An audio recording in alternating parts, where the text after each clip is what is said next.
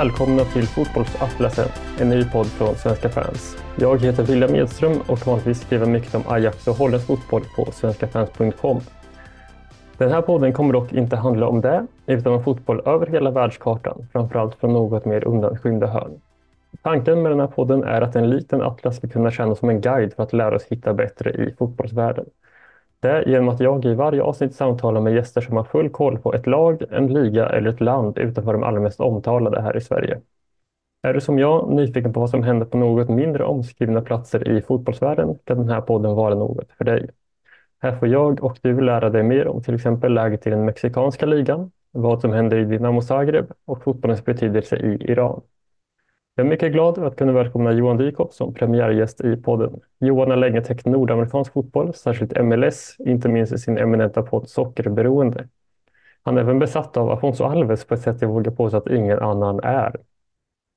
I dagens avsnitt berättar Johan bland annat om fotbollskulturen i USA, Messis äventyr i Miami och så pekar vi upp inför den kommande MLS-säsong som drar igång senare i februari. Eh, med det sagt så kör vi igång. Eh, och jag säger välkommen hit Johan. Tack så jättemycket. Kul att vara med och snyggt intro måste jag säga. Tack så mycket. Jag känner att introt är inte riktigt på samma nivå som eh, Sockerberoende, framförallt med tanke på socker, att eh, Sockerberoende har kanske bästa titeln på en podd i Sverige. Som en, var en kompis som påpekade för mig någon gång att eh, det är perfekt, perfekt nivå av vitsighet och fyndighet i det här poddnamnet. Sen är innehållet bra också, men det är verkligen klockren titel. Ja, men det, det, det, är många som har påpekat det och det är kul. Hoppas att det kanske har genererat någon extra lyssnare också. Ämnet är kanske inte något som ligger jättemånga varmt om hjärtat, men, nej, men jag, namnet fick jag till i alla fall. Ja, precis.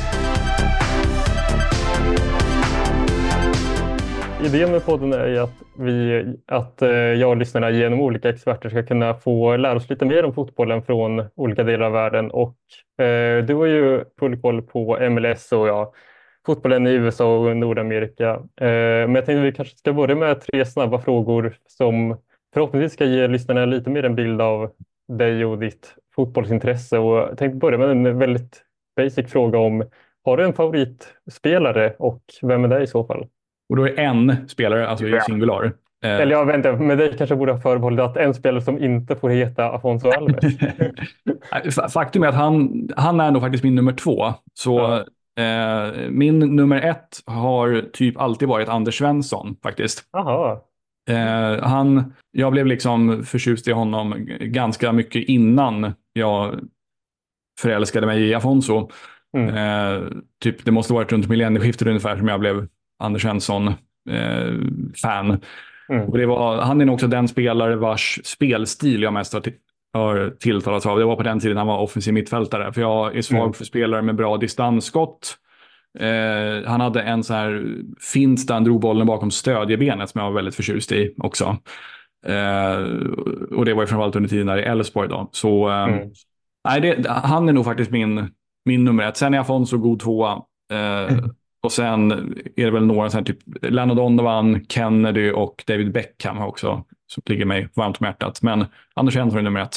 Ja, precis. Lite oväntat. Jag hade inte koll på det här med Regina faktiskt. Jag, lite, jag tycker det är roligt, med, för du är väl Hammarbyare eh, när det kommer till svensk fotboll. Jag tycker det är roligt att du också vurmar för både Afonso och Anders Svensson.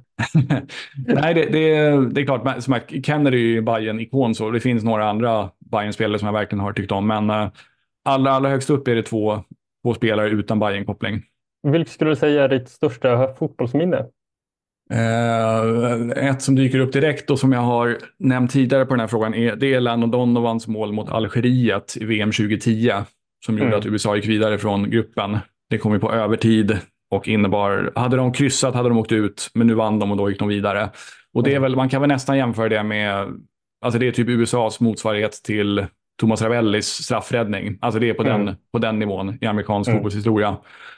Eh, så det, det minns jag väldigt, väldigt, väldigt tydligt och det ligger högt upp. Sen är klart, med tanke på mitt, min Anders Svensson eh, och frispark mot Argentina givetvis. Ja. Sen kan det vara så här, vissa matcher, Bayern Trelleborg 2001 är en så här mm. otroligt minne där Bayern var med 4-1. Det var precis i den vevan när man började inse, fan, de kanske faktiskt vinner i år. Och så var det så här, typ Johan Andersson dunnade in i frispark i krysset från 35 meter efter vad det var, 58 sekunder. Det var så här helt mm. otrolig match verkligen. Så den, ja. den också. Sen om man ska ta en MLS-relaterat så, så måste jag säga eh, Zlatans första mål i MLS, mm. den halvvolleyskottet från typ 30 ja. meter mot LFC. För för ovanlighets skull så såg jag den matchen med kompisar. Mina kompisar eh, vill aldrig se MLS med mig, för, för de, är, de är inte lika knäppa som jag. Men just den matchen såg vi faktiskt ihop. Så det var jävligt, ja. jävligt, jävligt kul att liksom få chansen att liksom, dela det ögonblicket med kompisar. Mm. Um, så.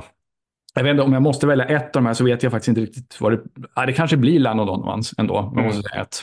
Ja. Ehm, men eh, man, man, har ju upplevt mycket grejer kopplade till fotboll, mm. helt klart. Ja, verkligen. Är för mig, Ander, Anders, av de du nämner så Anders Svenssons frispark eh, känner jag, det är verkligen en sån grej som jag antar att alla svenska fotbollssportrar ändå minns liksom vad de var när de såg det. Jag, minns ja. att jag, jag, jag var ju liten då, men jag minns att jag och min lillebror hade spelat fotboll i, hemma i trädgården när man hade klass VM-feber och ville spela själv men också springa in och titta på matcherna och att vi hade precis kommit in när, vi hade precis kommit in, in när han lägger upp bollen liksom och så. Eh, Eh, så det minns jag väldigt starkt. Ja. Du är eh, något yngre än jag. Hur, när är du född? 94, så jag var, 94, ah, okay. ja, då jag var åtta eh, VM 2002 där. Just eh, eh, sen eh, har du en drömfotbollsresa? Jag har ju varit i USA tre gånger och sett på fotboll och senast var jag i Minnesota. Dit skulle jag gärna åka igen faktiskt. Mm. För det var en väldigt kul resa. Sen vill jag gärna åka till Kanada, för det har jag aldrig varit. Och i så fall så står Toronto högst upp min önskelista. Eh, bara någon MLS-match, vilken som helst egentligen vore kul. För det, ja, men Toronto ska tydligen vara en cool stad och nu är de återigen jättedåliga, Toronto FC. Men eh, jag tycker det är, liksom, det är ganska bra drag till klubben och så, så det, det vore kul att åka.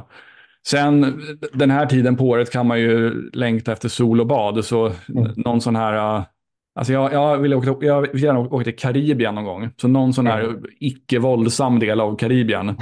någon, någon, någon, ö där man vågar gå ut på stan och se någon VM-kvalmatch. Amerikanska Jungfruöarna eller sånt där ställe. Mm. Eller Kanske någon av de här nederländska öarna, Aruba eller Curaçao ja. eller sånt det, det vore fett också. Ja, åka till Curaçao och kolla på eh, Dick Advocat coacha landslaget. De har tagit över där nu. Ja, ah, han de. Shit, det visste, det ja. visste jag inte. Ah. Han, han tog över precis, eh, jag tror det blev klart förra veckan kanske. Ja.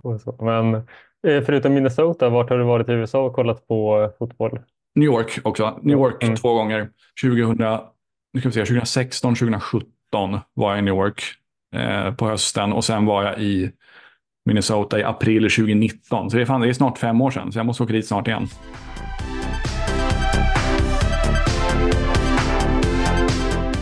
Det leder oss in på jag känner att vi nästan måste börja med eh, dig och just hur kommer det sig att MLS och fotboll i Nordamerika blev ett sådant stort intresse för det? För det är verkligen inte det vanligaste fotbollsintresset i Sverige. Nej, men det, absolut. Eh, det är många som liksom höjer på ögonbrynen när man berättar att MLS är den, följ, är den liga man framförallt följer. Ehm, jag började följa MLS, eller mitt intresse för MLS började liksom ta fart vintern 2008, alltså sent 2008.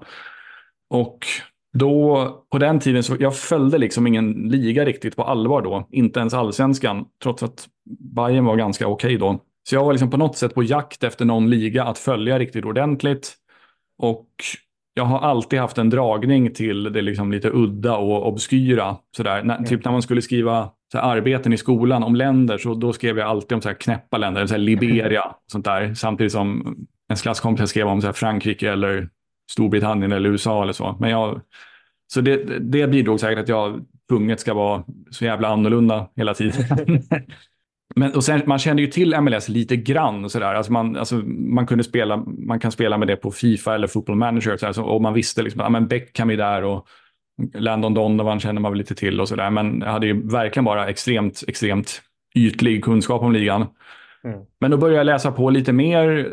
Eh, kollade på YouTube, vilket var ganska nytt på den tiden, och läste lite på ligans hemsida. Jag tyckte att det här verkar ändå det här har någonting, tyckte jag. Sen var det faktiskt en enskild spelare som jag blev otroligt förtjust i via de här YouTube-klippen. En argentinare som heter Christian Gomez, spelar i DC United framför allt. Eh, Och han var nog nästan, nästan den mest bidragande orsaken till att jag började följa MLS. För jag blev så otroligt förtjust i honom. Han var en så här pytte, pyttekort argentinsk nummer 10 och sådana spelare är jag väldigt förtjust i. Ja. Och han var så jävla bra under några säsonger mm. där i mitten på 00-talet. Så det var nästan anledning nog att börja följa ligan på allvar, att få se honom i mm. matcher. Så.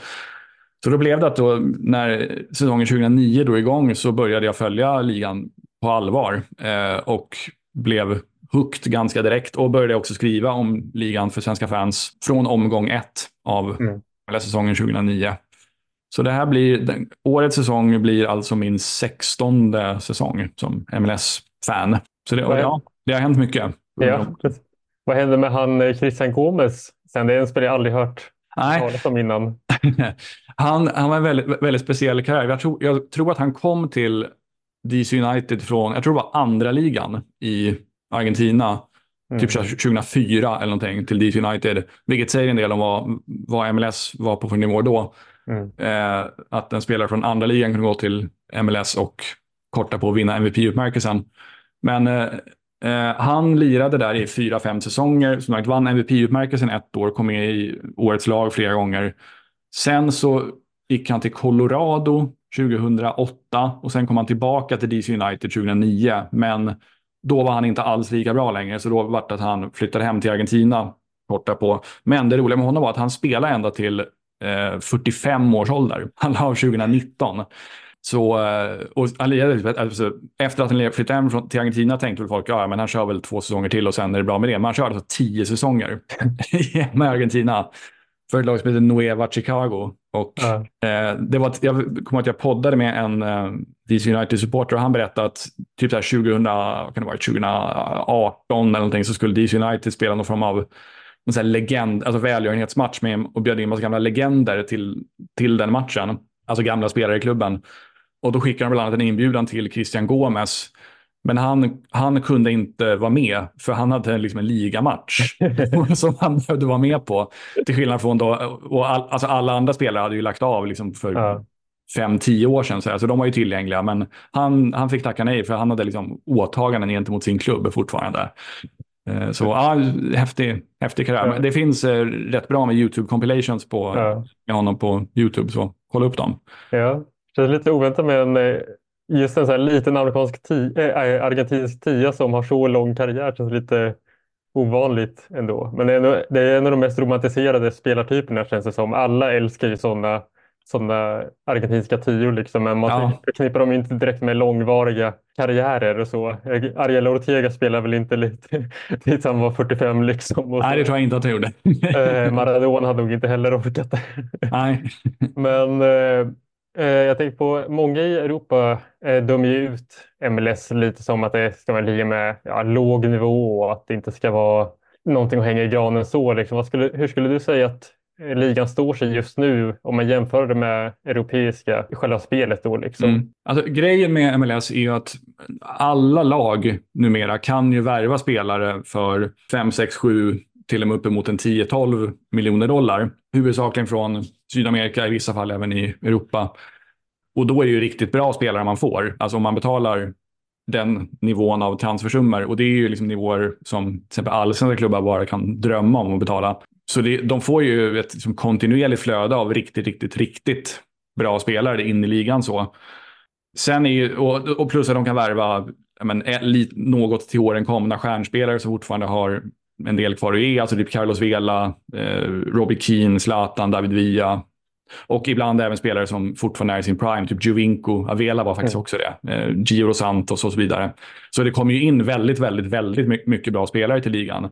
Men sen är ju då grejen att eh, de sämsta spelarna i ligan är ju så oerhört mycket sämre mm. än de här riktigt bra. Så då kan det liksom bli så att spelare som ja, men så här Robbie Keane eller Sebastian Jovinko är i samma startelva som spelare som knappt hade platsat i ett bottenlag i allsvenskan. Vilket ju gör då att ligan, att spelet blir väldigt konstigt helt enkelt. Alltså det, det, liknar liksom det liknar nog inte riktigt någon liga man ser i Europa för att det är sån enorm nivåskillnad. Därutöver så finns också de som påstår att, eh, alltså spelare som varit där, att det taktiska kunnandet hos såväl spelare som tränare är lite sisådär. Eh, till exempel så hade jag ju Arnold Arnold Traustason som gäst i min podd för ett tid sedan och han hade under sin tid i New England, eh, Bruce Arena som tränare, som ju anses vara en av de, typ de bästa MLS-tränarna någonsin. Och Arnor tyckte att Bruce Arenas taktiska kunskaper och intresse för taktik, det var liksom ja, dåligt, alltså med all, allsvenska mått mätt. Liksom. Vilket väl också gissar jag bidrar till hur, hur, hur spelet blir i ligorna, eller i, i MLS då. Men jag tror, jag tror så här att bottenlag i MLS hade definitivt de är bättre än bottenlag i allsvenskan. Jag har väldigt svårt att tro att inte Toronto FC eller LA Galaxy som var bottenlag förra året. Jag har svårt att se att de inte skulle spöa Varberg eller Degerfors. Mm. Liksom. Sen så är jag inte lika säker på att topp... Ah, jo, jag tror topplag i MLS hade nog i alla fall haft en bra chans att vinna allsvenskan. Jag tror inte de hade liksom promenerat hem segern. Men jag minns också att Johan Blomberg som jag intervjuade till, i min podd, han sa att alla MLS-lag är åtminstone, eller alla MLS-lag skulle vara topplag i allsvenskan. Och Danny Kovermans, som gamla Eredivisie-spelaren, han sa att ja, inget MLS-lag hade i alla fall åkt ur Eredivisie, var hans mm. uppfattning. Och det här är tio år sedan. Så. Ja. Eh, ja, det kanske är en, något slags bild av, mm av nivån. Liksom. Sen kan man fundera på sådär, okay, men hur, hur går det för spelare som kommer till respektive lämnar MLS? Och det finns ju, det finns exempel som talar för och emot att MLS är jättedålig. Typ att Bradley Wright Phillips, den gamla engelska anfallaren, han kom ju som han kom ju liksom från League One i England och blev för, hans första hela säsong så tangerade han målrekordet i MLS. Mm. Och då skulle man kunna tro, okej, okay, men då håller väl MLS typ League 2-nivå eller något sånt där. Mm. Samtidigt finns det jättemånga exempel på betydligt mer namnstarka spelare som har dunderfloppat i MLS. Så mm. ja, det, det är svårt att säga helt enkelt. Men jag tror nog att om vi, går, om vi utgår från vad Johan Blomberg och Danny Koverman sa, så någonstans där, att de i alla fall säger att ett genomsnittligt MLS-lag är som ett genomsnittslag i Eredivisie, typ. Du om den här nivåskillnaden inom, inom lag. Att, mm. att det har liksom en, under de åren du följt ligan, känner du att det liksom ändå gått i rätt riktning? Att spelarna i varje lag, att det börjar bli lite mer jämnstark nivå på dem? Att det inte är så stor eh, skillnad på dem? Alltså det är, det är fortfarande stor skillnad på så sätt att ja. man kan ha Messi och Robert Taylor i samma startelva. Robert Taylor som inte ens platsade i AIK för några år sedan. Ja. Eh, men jag tror, om man zoomar ut lite och ser på ligan som helhet så tror jag nog ändå, jag, jag tror nog liksom att golvet har höjts lite. Mm. Och det beror, det beror på sådana här saker som att eh, lagens akademier har blivit mycket bättre. Man får upp jättemycket mer bra ungdomsspelare jämfört med för 15 år sedan. Man värvar mycket, mycket mer bra unga spelare utifrån, alltså från typ Sydamerika eller Europa mm. eller Centralamerika och sådär. Så och man har också, när kan det vara, sju, åtta år sedan kanske, så införde man det som heter targeted allocation money, vilket är en slags pengar som används för att värva spelare i liksom ett slags mellanskikt mellan vanliga spelare och designated players. Eh, och då, då kan man liksom ta in spelare som är, ja men det är helt enkelt för att fylla det glappet. Då kan man liksom ta in en sån här, ja, en spelare som, en, en av de första spelarna som togs in med dem var en, han gamla Bundesliga-mittfältaren Tran, Tranquillo Barnetta, gamla schweiziska. Oh ja. Klassisk, klassisk lirare från EM och VM. Ja, precis. Han var alltid med i deras trupp. Exakt. All, alltid, varenda schweizisk VM och EM-trupp i typ tio år. Mm. men han, han var en av de första spelarna under och han är liksom ganska typisk sån spelare. Säga, inte mm. riktigt designated player, men definitivt bättre än en liksom average MLS-spelare. Så man har liksom gjort ett antal, oh, sammantaget skulle jag ändå säga att det, golvet har höjts liksom i, mm. I MLS. Samtidigt är det å andra sidan så att nu värvas det ännu bättre spelare jämfört med för 15 år sedan. Så ja, mm. Messi i ligan idag, det var, spelare av den kalibern var inte i MLS för 15 år sedan. Mm. Du nämnde eh, just eh, designated player som mm. vi kanske ska förklara det begreppet ja. lite. Men det är väl då helt enkelt just spel, ja, stjärnspelarna som Messi och så som man lägger ut lite mer pengar för eh, i MLS. Precis så. Eh, enkelt uttryckt så är det så att man får ha tre sådana per lag och deras löner räknas bara till viss del mot lönebudgeten. Mm. Så, och det är typ 675 000 dollar eller något sånt där räknat på lönebudgeten och överskjutande delen exkluderas helt enkelt från lönebudgeten. Så, så då kan man ha, man kan ha tre sådana och sen varierar det hur mycket, om det är en ung spelare så är det lite mindre av mm. Eh, så det är en mindre summa som räknas mot, trans, eh, mot lönebudgeten eller lönetaket helt enkelt för att, för att ge incitament till att värva yngre Designated Players. Då. Ja, för det är väl, MLS är väl som de andra nordamerikanska sporterna att man jobbar med lönetak och ja. så. Eh, vilket jag tänker är att kanske man glömmer bort lite så om man sitter som europé bara dömer ut eh, MLS som liga och så, men att just lönetak är en sån grej som man börjat prata om på senare år att det kanske man borde införa i europeisk fotboll, inte minst i Premier League och så nu mm. när vi ser liksom hur utvecklingen går mot ja, bara fler och fler liksom ekonomiskt dopade klubbar och sådär och att det blir en tråkigare, tråkigare idrott på mm. absolut toppnivå eh, och sådär. Så jag tror verkligen att eh, ibland, ibland känner man att man borde titta lite mer på MLS och just bara inspireras av sådana idéer som att använda lönetak också för att jämna ut det lite eh, och så. För det är väl just att det bidrar väl en till att det blir en jämnare liga överlag. Jag har kollat lite på i förberedelse för det här på ja, vilka lag som vunnit på senare år och så där och att Eh, det är ju, det är ju liksom inget lag som verkar prenumerera på titlarna på samma sätt som det liksom blivit i Premier League och La Liga till exempel på senare år. Eh, och så, utan att det verkar vara ganska mycket omkastningar år för år. Det måste vara roligt att följa. Så, så är det definitivt. Att det, är, det, är, det är regel snarare än undantag att lagen som vinner ligan är ganska dåliga. Kanske till och med så, så tänker jag att de missar slutspel året därpå. Mm. Så jag tror det, den det har varit några perioder under åren som jag har följt MLS då, då det varit sådana här liksom, dynastier. Liksom LA Galaxy var väldigt, väldigt mm. bra i början på 10-talet där eh, och var, vann ju tre av fyra ligor, eh, ligatitlar. Seattle var bra i slutet på 10-talet där. De vann ligan två gånger och var i final ytterligare två gånger vill jag minnas. Så eh, det är några sådana lag som ändå över tid har varit bra. Men, men som du säger, det, det har verkligen till ovanligheterna att lag får, vinner back-to-back championships. Det, det händer nästan aldrig.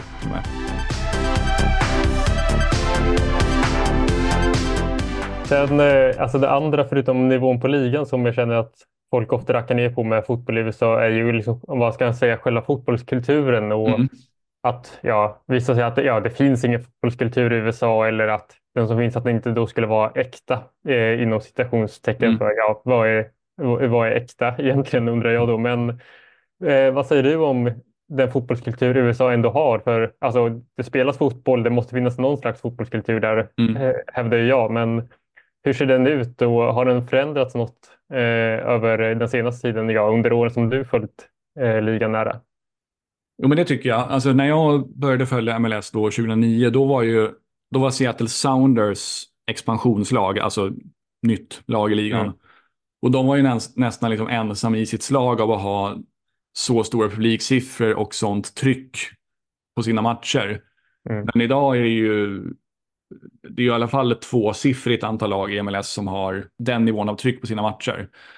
Framförallt de nyare lagen i MLS har det blivit så med, men även äldre lag som har liksom fått igång den typen av supporterfölja. Och publiksnittet är ju på drygt 22 000 förra mm. året, vilket är i nivå med The Championship, så det är, det är inte speciellt dåligt för att vara. Mm. Sen är USA ett mycket, mycket större land än England då, men det är, fotboll är väl sport fyra eller fem i popularitet. Så det är ändå rätt anständigt tycker jag. Och, och liksom det investeras enorma pengar i nya arenor eh, och det finns eh, alltså bevakningen av ligan har utvecklats väldigt mycket med väldigt liksom, ambitiösa poddar och YouTube-kanaler och MLS hemsida och eh, sådär. Sen har ju eh, från och med förra året så är det ju Apple TV som har MLS-rättigheterna. Mm. Och de tror jag jag tror det var ett tioårsavtal som de skrev värt 2,5 miljard dollar. Och det säger ju liksom ändå en del om att de, det, är, det är säkert skitpengar i jämförelse med typ NFL, men det är i någon slags objektiv mening mycket pengar. Så de, Apple ser uppenbarligen någonting i fotbollen i USA att liksom, okay, men det här är någonting som eh, har vuxit mycket och fortfarande växer och de tänker nog att de ska få igen de här pengarna och mm. mer därtill. Liksom allting sammantaget, alltså att det, liksom, att det investerar sådana oerhörda mäng mängder pengar i fotbollen i USA och Kanada för den delen, eh, tyder liksom på att det, ja, men det håller verkligen på att bli stort. Sen får vi ju se om det kan utmana NFL och NBA och sådär, det, det ska låta vara osagt. Men eh, att, det, att det är stort och håller på att bli ännu större, det, det tycker jag liksom är otvetydigt. Någonting som jag tycker man märker genomgående är att folk eh, alltså fotbollsfans i USA har i regel följt fotboll lite kortare tid än, mm. typ svenska fotbollsfans. Alltså det, det är inte konstigt med die hard fotbollssupportrar i USA som blev fotbollsfans när de var liksom 21.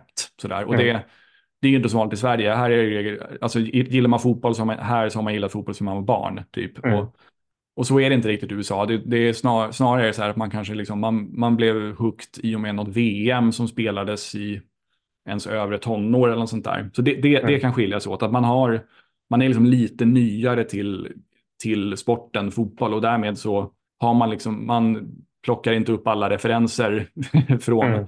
eh, alltså när man var nio så följde man inte fotboll, så då vet man inte vem Christian Vieri är till exempel. Mm. Ja, men jag tycker det är mm. spännande eh, där du är på just med när man, när man blir hooked. Som mm. du säger att för, ja, men jag är ju som ja, de flesta fotbollssupportrarna i Sverige att man var, eh, var liksom sex, fem, sex år när man blir fotbollsintresserad och så skaffar man, ja, så hittar man ett favoritlag då och så får man stå sitt kast.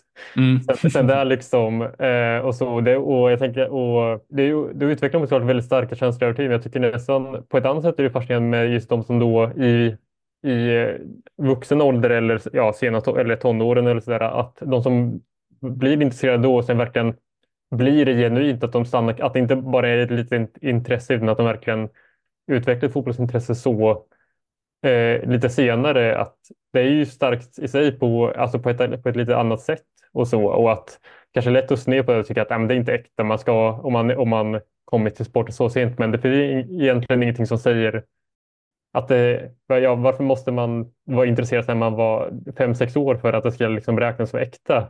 Nej, precis. Utan det är snarare, då kan vi nästan göra någon slags, ja, in, inte bara känslomässigt, eh, men alltså ett intellektuellt val också. Att, ja. ja men det, här, det här gillar jag, det här tycker jag är intressant och, eh, och sådär. Eh, och, och sen också, jag håller helt med, och i just fallet i USA så kan, finns ju också den parametern att, låt säga till folk som är liksom i typ din och min ålder, alltså 30, 35 eller strax över det. Där, när de var barn så, alltså fotboll som tv-sport fanns väl liksom knappt i USA då. Alltså, Nej. MLS drog igång 1996 och dessförinnan så hade det funnits, ja, det hade funnits diverse så här ligainitiativ, men alla de hade ju, liksom, gick ju i konken efter några år. Så mm. i, som, i bästa fall hade man något väldigt, väldigt kortlivat professionellt lag i, i sin hemstad eller nära sin hemstad och kanske något college-lag. Men, men, men liksom fotbollens närvaro i USA innan, eh, innan MLS tog fart, den var ju, den var ju liksom rätt eh, försumbar. Så mm. utifrån det, i det perspektivet är det liksom inte så konstigt om man som 35-åring 35-årig amerikan inte var något fotbollsfan när man var sju. Liksom, för, ja, men, mm. Varför skulle man? Det, det, det är inte konstigt än att man som svensk inte idag är något fan av lacrosse. Liksom. Ja, för hur, hur, hur fan skulle det gå till? Ja.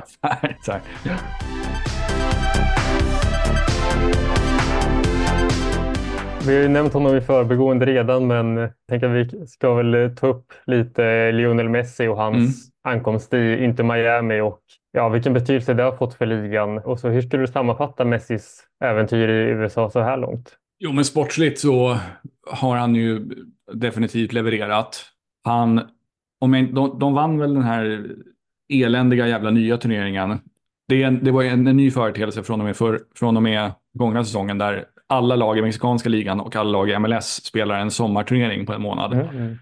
Vilket gjorde att ligan pausades i, ja, under den perioden. Jag tycker det är en sensationellt usel idé, men det är ju bara för att tjäna pengar såklart. Men den vann de ju, om jag inte misstar mig, Miami. Och han var ju typ ligans, eller turneringens bästa spelare.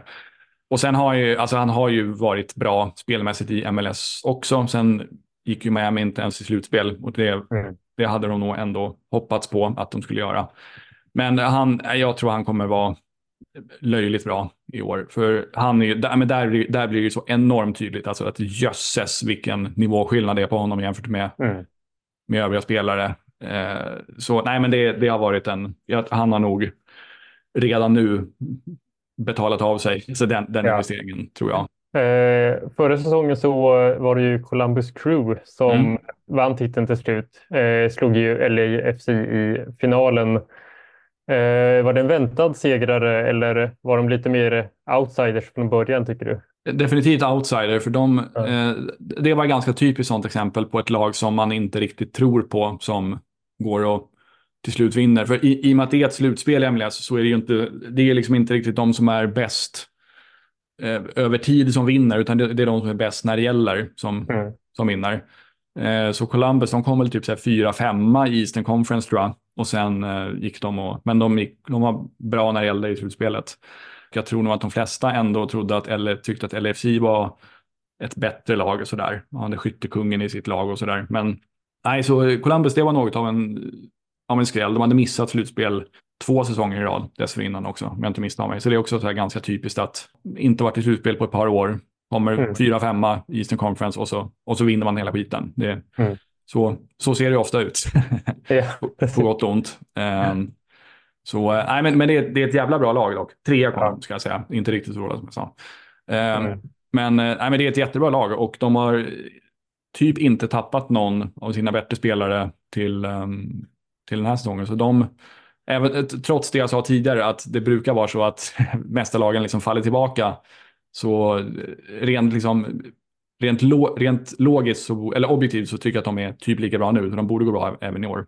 Precis som i Sverige så är det ju eh, vår, höst man spelar med. Säsongen drar igång i slutet av februari och sen så tar då grundserien slut i oktober eh, någon gång, som om jag har förstått rätt. Eh, och Ja. sen så följer då slutspel på det med final i december. Så det är väl lite, och det är ju eh, 29 lag i ligan nu uppdelat i två konferen- konferenser då, lite Mm. som kan, ja, jag, har jag har ju egentligen bättre koll på NHL och NBA som jag följer lite mer än, än MLS, vilket jag tänker kanske några andra lyssnare också bekanta med systemet där med att, att det är uppdelat hälften hälften i väst och öst och Mm. sådär. Och, och ett slutspel på det. Och det, slutspel är väl som i de sporterna också, att är det sju matcher eller fem, eller hur är det som spelas?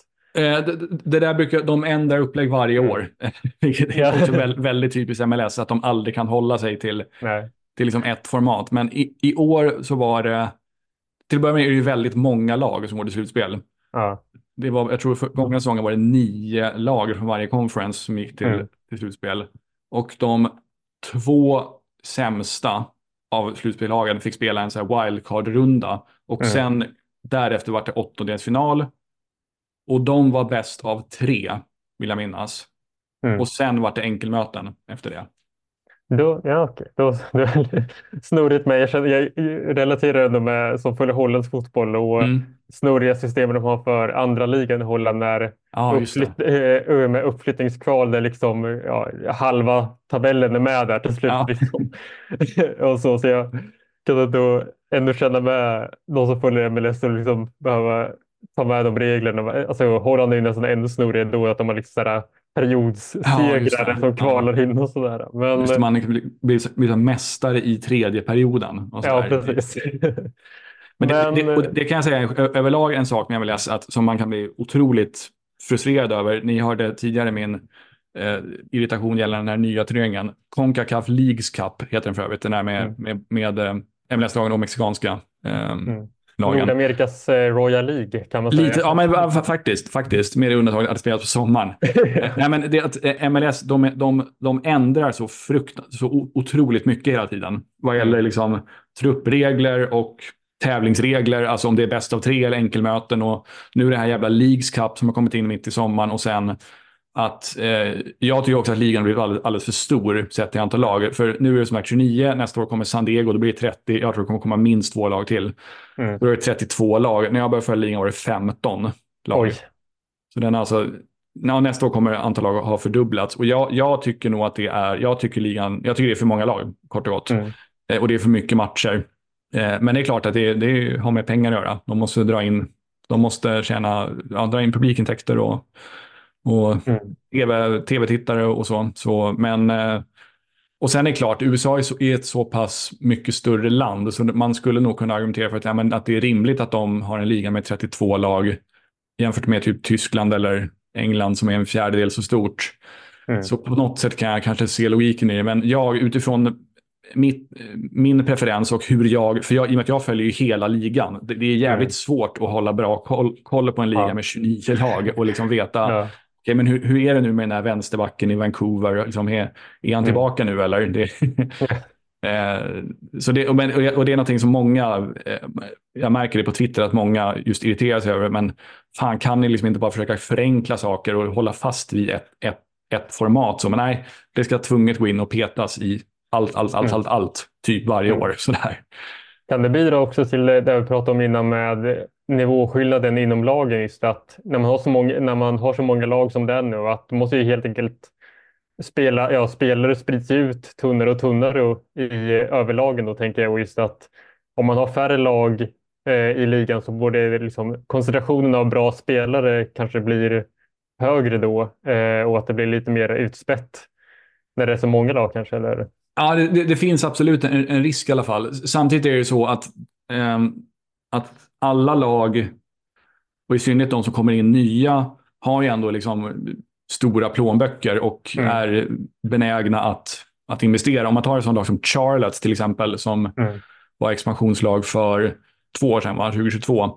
Eh, deras ägare, han är alltså om jag inte misstar mig så är han, han är rikaste ägaren i hela MLS. Eh, mm. Undantaget Red Bull som är ett, eh, som är ett liksom multinationellt företag. Men han, eh, David Tepper heter han och han är en så här hedgefondmiljardär. Liksom. Så han har hur jävla mycket pengar som helst. Jag, bara, jag sitter bara och väntar på att, att de ska börja värva spelare i liksom 10-15 miljoner dollars klassen. Mm. Och, för, och man skulle kunna tycka att, men fan, att Charlotte FC, det låter ju inte speciellt, det låter ju inte så jävla sexigt. Men han är, han är, liksom, han är så groteskt rik, deras ägare. Så eh, eh, det kommer liksom in lag med i princip oändliga resurser och då skulle, så de har liksom möjlighet att köpa in, ja, nu har man lönetaket förvisso som begränsar i, i någon mån, men eh, många lag har eh, Många lag som kommer in har väldigt goda ekonomiska förutsättningar för att värva spelare och liksom bygga bra träningsanläggningar och sådär. Så Eh, det kommer liksom inte upp lag med Ljungskiles ekonomi Nej. i MLS. Så. ja, det var en underbar utmaning.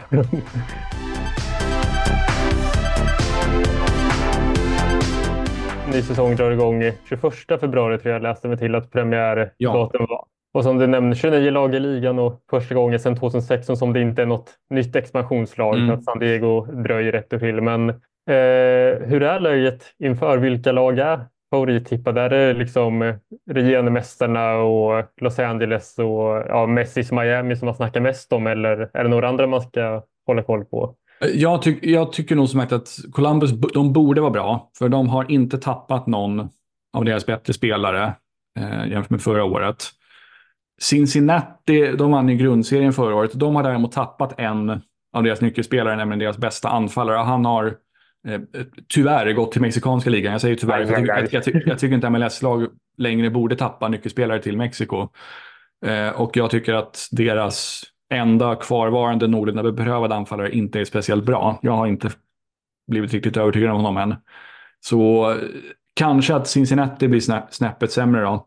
Eh, dock har de eh, otroligt bra defensiv. De har sedan tidigare en mittback som heter Matt Miasga som tidigare spelade för Chelsea. Mm. Eh, han blev förra årets Defender of the Year och de har nu under vintern också värvat in en amerikansk landslagsmittback från Atlanta. Så de, har, de bör ha väldigt bra defensiv mm. i alla fall framöver.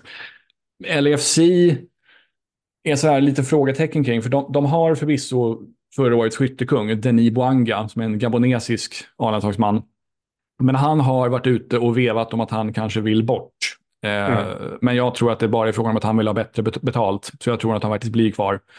Men kanske med ett dubbelt så stort kontrakt eller så. Men de har tappat lite ordinarie spelare. Målisen har dragit och eh, någon mittfältare och någon vänsterback och sådär. Så jag, och Carlos Vela är, nu är inte han lika bra längre, men han har de inte förlängt med än. Så det är lite frågetecken sådär. Och, men sen, ja, jo, Miami, det är väl, det är tråkigt att säga, men jag tror nog ändå att de Alltså de borde vara bra. De har ju fått Luis Suarez har de fått in också. Som mm. tydligen fortfarande är, eh, håller bra nivå, sin, sin ålder till trots. Så. Eh, överlag tycker jag Eastern känns bättre än Western i år. Mm. Eh, det är få lag, även de liksom bra lagen från Western tycker jag, man kan lyfta fram någonting som är så här, ja men hur, hur blir det med det där då? Så där. Galaxy känns inte så bra. De har ju en Ricky Puch, har de med, gamla Barcelona-mittfältaren. Mm. Han var ju väldigt ju... hypad en gång i tiden han kom fram. Verkligen. Jag, jag blev nya Xavi och sådär. Men... Exakt, precis. Jag blev jätteöverraskad när han började ryktas till MLS. Var, varför, ska han, varför ska han till MLS för? Men det var jävligt kul att de lyckades landa den. Och han, mm. han, är, han är ju svinbra, verkligen, mm. med MLS-mått mätt. Men nej, jag, jag, tror inte på, jag tror inte på Galaxy eller så. Nej, skulle börja visa så tror jag att, något, att det blir ett Eastern-lag som vinner MLS även, även i år. Eh, vi har ju lite svensk intressen också. Mm. Emil Forsberg har ju eh, landat i New York Red Bull, så vi har ju fler svenskar än så i, i ligan. Vad, hur tror du det blir för, hur, vad tror du om Forsberg i New York? Tror att han, eh, hur, hur, är hans lag, hur är det laget i övrigt? Liksom? Kan de vara toppkandidater också eller är det lite lägre nivå på hans lagkamrater? Eh, jag håller inte dem som något av de bättre lagen i, i Eastern. De är nog ett typ mittenlag skulle jag säga. När jag började följa ligan precis, då var ju de ett sånt här lag som regelbundet värvade dyra skrytvärvningar, typ Henri var ju i mm. Red Bull till exempel. Men sista tio åren så har de liksom i princip helt släppt den strategin och kör mer på liksom ungt och eh, hemvävt eller eh, ja, men helt enkelt mycket, mycket mer eh, budgetstrategi och sådär i syfte att kanske kunna sälja spelare till Europa. Vilket gör att när man ser en New York Red Bull startelva så är det liksom, man, man, känner, det är man tar det lite med en axelryckning, så här, för det är inte speciellt mycket spännande spelare. De värvade en belgare, en belgisk anfallare inför förra årets säsong som heter Dante Van, osäker på uttalet, Dante Van Seyr eller något sånt. Mm. Eh, som hade ganska bra målsnitt från belgiska ligan. Eh, men där var det lite eh, strul, eller vad man säga, för han blev anklagad för att ha uttryckt sig rasistiskt på planen. Väldigt tidigt in på sin MLS-karriär, så han blev avstängd i typ så sju matcher eller någonting. Och sen har han märktes liksom knappt, sen kom han tillbaka och fick spela igen, men märktes liksom knappt av någonting. Eh, ja, gjorde tre mål eller någonting. Så, men Forsberg, han är ju en sån designated player förstås. Eh, jag tror mm. han är också bara en av tre spelare som är över 30, så de har ett väldigt ungt lag. Mm. Eh, så han anses, han ska nog vara någon slags ledarfigur i det där laget. Så, eh, så han, ja, han har också fått nummer 10, så han kommer, mm. han kommer definitivt vara ordinarie och är tilltänkt som en liksom, stjärna. Så. Men ja, ja, det är inte något av dem det är inte något av de bättre lagen i, i ligan eller ens Eastern Conference skulle jag säga. Sen har vi Noah Eile, också en svensk ja, mm. eh, MFF-mittbacken som har gjort något i Mjällby förra året tror jag. Mm. Som nog bör ha en ganska bra chans att ta en ordinarie plats tror jag. Var det Red Bulls för eh, Eila också? Eller? Eh, ja, mm. exakt. Precis. Mm.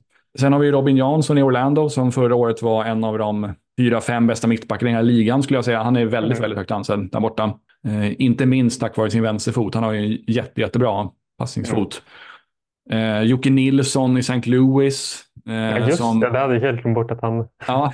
han var en märklig karriär på. Det var väl från Elfsborg till Zweite Bundesliga och var det MLS direkt sen eller? Han körde några säsonger i Bundesliga med ja. Arminia Bielefeld, en eller två tror jag. Ja, just det, de gick ju upp ja. Ja, och sen kom han på fri transfer till St. Louis inför deras expansionssäsong. Mm. Eh, vilket var lite överraskande kunde man tycka. Han fick, han fick fruktansvärt bra betalt. Så mm. det bidrog. Jag tror han har 1,3 miljoner i årslön eller någonting. Mm. Så han är en av de bäst betalda mittbackarna, eller försvararna i hela ligan. Men han missar ju nästan hela, hela förra säsongen på grund av en knäskada. Så han spelar bara så sju matcher eller någonting. Mm. Eh, så, och var inte så himla bra när han väl spelade. Så de förväntar sig nog mer av honom. Mm. Rasmus Alm spelar ju där också, gamla Elfsborgs mm. yttern. Och sen gick ju Viktor Eriksson till Minnesota häromdagen. Gamla Värnamo-backen. Mm. Eh, Christopher McVeigh i Miami. Um, Spela med Messi. Mm. Ja, precis. Rolig mix där. Apropå osannolika lagkamratskaper, ja precis. Ja. Eh, Mohammad Diaz, han är ju förvisso irakisk landsman, men han spelar i DC United. Men han spelar bara typ sex matcher någonting på för, förra året. Dels var han, mm. han var ju avstängd på grund av juridiska problem vid sidan mm. av planen. Och sen var, var det någon fotskada som gjorde att han missade väldigt stor del av säsongen också. Så nej, han har inte varit någon jättehit än så länge där borta. Men eh, definitivt mycket, eh, rätt bra med svensk intressen där borta mm. med Emil Forsberg som den klarast mm. lysande stjärnan förstås. Mm. Eh, är det några andra stjärnor man ska hålla ögonen på? Jag tänker om vi bortser från Forsberg och Messi mm. och så är det några. Du pratar ju om att de är väldigt mycket sydamerikanskt och lite yngre och så. Och, mm. eh, och så är det några sådana som kanske kan vara på väg till eh, ja, europeiska klubbar kanske också. Senare Thiago Almada i Atalanta ja. har ju ryktats om. Han ryckte till Ajax i somras faktiskt och nu är det väl Atletico Madrid det pratas om. Precis, han, han eh, lär ju bli nästa såna, sån riktigt stora försäljning från MLS. Eh, mm. Och skulle inte förvåna mig om han även slår transferrekordet, alltså för en MLS-försäljning. Det mm. innehas idag av Miguel Almiron när han gick till Newcastle. Mm. Eh, men det skulle inte förvåna mig ett dugg om Almada slår det, för han är så pass bra. Och spelar som sagt i Atlanta, där han är deras liksom, offensiva kreatör. Sådär. Mm. så definitivt honom. Honom kan man hålla koll på. I övrigt, om man tänker yngre sydamerikaner, Alvaro Barrial, en wingback i Cincinnati som ryktades i Ajax också mm. eh, i vintras. Men det har inte blivit något där än. Ja, vad vi mer för Det finns ju många spelare av den typen. Men om man tänker lite mer namnstarka, eh, Insigne och Bernadeschi i Toronto. Ja, just det. Det är härligt. Ja, som ju inte alls har levt upp till förväntningarna eller deras väldigt väl tilltagna löner så här långt. Mm. Eh, de, Insigne var ju bäst, klart bäst betald i ligan innan Messi kom in. Mm. Eh, till exempel. Och, ja, han, jag berättade tidigare att jag tidigare i vintras gjorde ett poddavsnitt med fokus på Toronto FC och den Toronto-supporten som jag intervjuade, han var så jävla sur på Insigne och Bernadeschi tycker att det var jävla slackers och bara är där för pengarna. Liksom. Eh, så det, det, ska bli intressant att se hur eh, dels de individuellt så, om de kan lyfta sig, men sen också Toronto som lag. För mm. de var ju jättebra för bara några år sedan, men nu är de lika dåliga som när Danny Kovermans spelade, ja. spelade för laget. Eh, sen några andra som jag tycker man kan hålla koll på, det är de senaste tre MVP-pristagarna, som alla mm. är väldigt härliga spelare. Och det är i kronologisk ordning Eh, Carles Hill, som är en spansk offensiv mittfältare från New England. Eh, Hani Mukhtar från Nashville, som är tysk med typ libanesiskt påbrå eller någonting. Mm. Också offensiv mittfältare. Eh, och sen eh, Luciano Acosta från Cincinnati. Och återigen en så här pyttekort argentinsk nummer 10. Helt mm. underbar spelare. Så de kan man hålla koll på om man liksom inte har järnkoll på övriga, eh, eller på MLS överlag. Eh, Giacomakis, gamle www Venlo-kingen, ja, eh, gör ju mycket mål för Atlanta. Han, där skulle jag nästan våga sätta en, en spänn på att han nog kan bli skyttekung faktiskt. Ah. Eh, nej, men så det, fin det finns mycket spännande. Han Boanga som jag nämnde tidigare, LFCs skyttekung, om han blir kvar, är jävligt rolig och sevärd. Eh, Duncan Maguire, Orlando-anfallaren som var på väg till Malmö mm. vintras. Eh, han är kvar än så länge. Mm och är ja, riktigt, riktigt jäkla bra eh, och har också landslagsdebuterat nu. Så ja, det, ja, det, finns, det finns mycket. Det mm. finns minst, minst en i varje lag ska jag säga, som är värd att yeah. hålla ögonen på.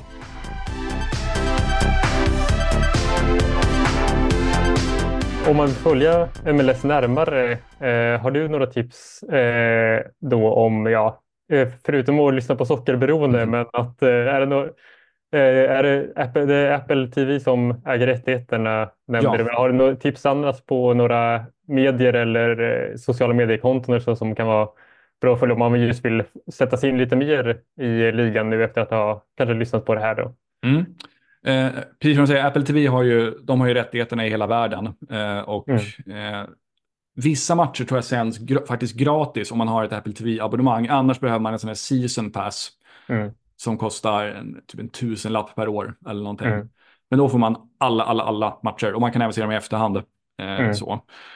Eh, så, och det, just det som också kan vara värt att nämna är att eh, förra året, när, som var det första året med Apple TV-avtalet, då gick MLS, då valde man att lägga matcherna med eh, mycket senare avsparkstider jämfört med vad det varit tidigare. Man la dem alltså med kvällsavsparkstider med amerikansk, enligt amerikansk tidszon. Då. Vilket innebär att i Sverige så börjar alla matcherna mitt i natten. Men nu i år så, går man, så frångår man det. Så det kommer vara mycket, mycket mer tacksamma avsparkstider i år för oss mm. svenskar. Det kommer liksom vara matcher som börjar 6-7 på kvällen varje omgång. Mm. Så det, det, är liksom, det, blir väldigt, det blir mycket, mycket lättare att se MLS i år jämfört med förra året. Förra året var nog då, eh, det var länge sedan jag såg så få MLS-matcher live som förra säsongen. Men det kommer mm. förändras, mm. det kommer förändras till i år. Då. Så det är jättekul. Men det är Apple TV som gäller. Eh, sen har eh, MLS officiella hemsida har väldigt bra nyhetsbevakning och så här transfer, eh, transferuppdateringar, eh, highlights från alla matcher. sju, fem eller sju minuter från alla matcher med mål och höjdpunkter mm. och så. Eh, väldigt bra statistiksidor och sådär. Eh, de har en officiell podd, MLS officiell hemsida som heter Extra Time. Som kommer två gånger i veckan tror jag. Eh, typ en och, en och en halv timme per avsnitt eller så. Eh, de finns givetvis på Twitter och Instagram och allt sånt där. Och alla lag har väldigt bra Twitterkonton och uppdaterar med nyheter och så. Och det mm. finns en miljard olika liksom, lagpoddar. Så där, om, det, om man vill foka på något specifikt lag så, där, så finns det ja, minst en, eller flera per lag till och med, som är så pass bra att de är värda att, att följa. Liksom. Eh, sen finns det ju så enskilda journalister som är liksom duktiga. Det finns en som heter Tom Bogart som är lite grann USAs Daniel Kristoffersson, så här är alltid först mm. med transfernyheter. Mm. Eh, det finns en kille som heter Matt Doyle som är en av panelmedlemmarna i den här, i den här podcasten Extra Time. Som är jävligt kunnig vad gäller eh, ja, taktik och eh, liksom kunna analysera spelare och lags, eh, lags spelsätt och sådär. Eh, alltså det, det finns verkligen liksom ett mm. eh, utbrett, liksom ett väl utbyggt, eh, ska säga, medial infra, infrastruktur kring MLS. Det är, det är en otroligt ja. tacksam liga att följa på det sättet. Och sen förstås i och med att allt är på engelska så är det liksom, ja, mm. man, man kan ta del av allt som de publicerar på ett enkelt sätt. Så, mm. så äh, det finns massor av kul grejer att ta del av. Sen också på det här Apple TV, eh, de gör eget content också, alltså små mm. reportage om klubbar och spelare och så som är väldigt bra. Så mm. äh, det finns hur mycket, verkligen hur mycket som helst att ja. dela av.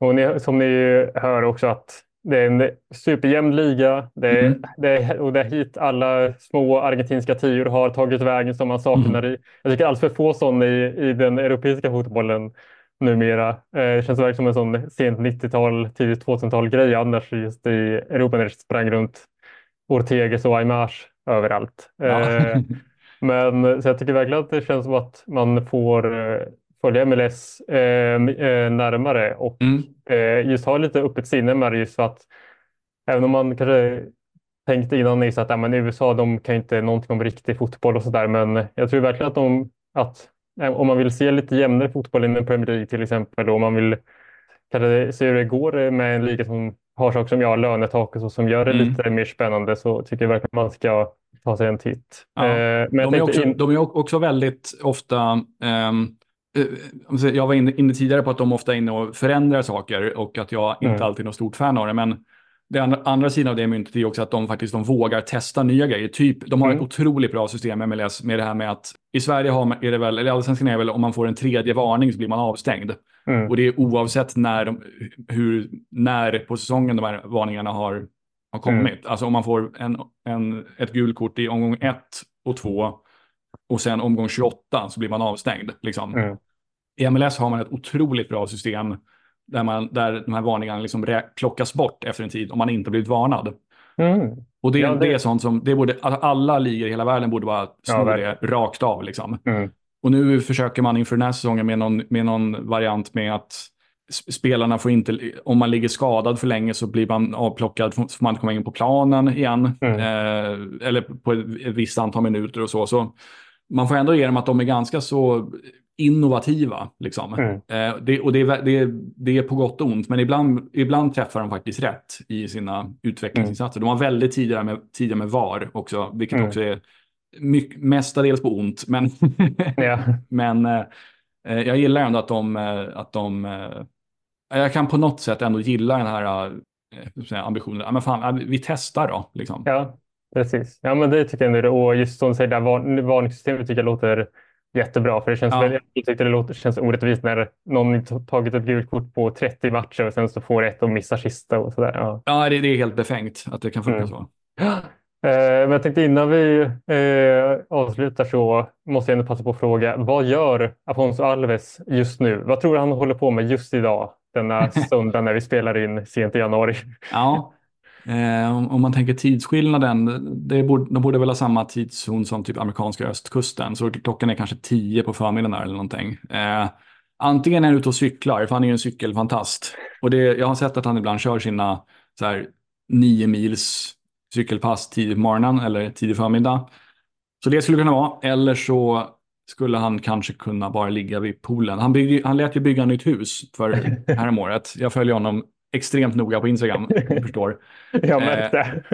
Eh, så, eh, nej, han byggde ett jättevräkigt hus med jätteflashig pool och inte minst den coolaste inredningsdetaljen var ju en, eh, en så här matchtröjevägg med alla klubbar och även brasilianska landslaget i kronologisk mm. ordning. Mm. Har han låtit bygga. Så han har liksom från Atletico Mineiro till Örgryte, Malmö, Heerenveen, Middlesbrough, eh, brasilianska landslaget och sina tre katariska klubbar har han som mm. en sån inredningsdetalj. Skithäftigt.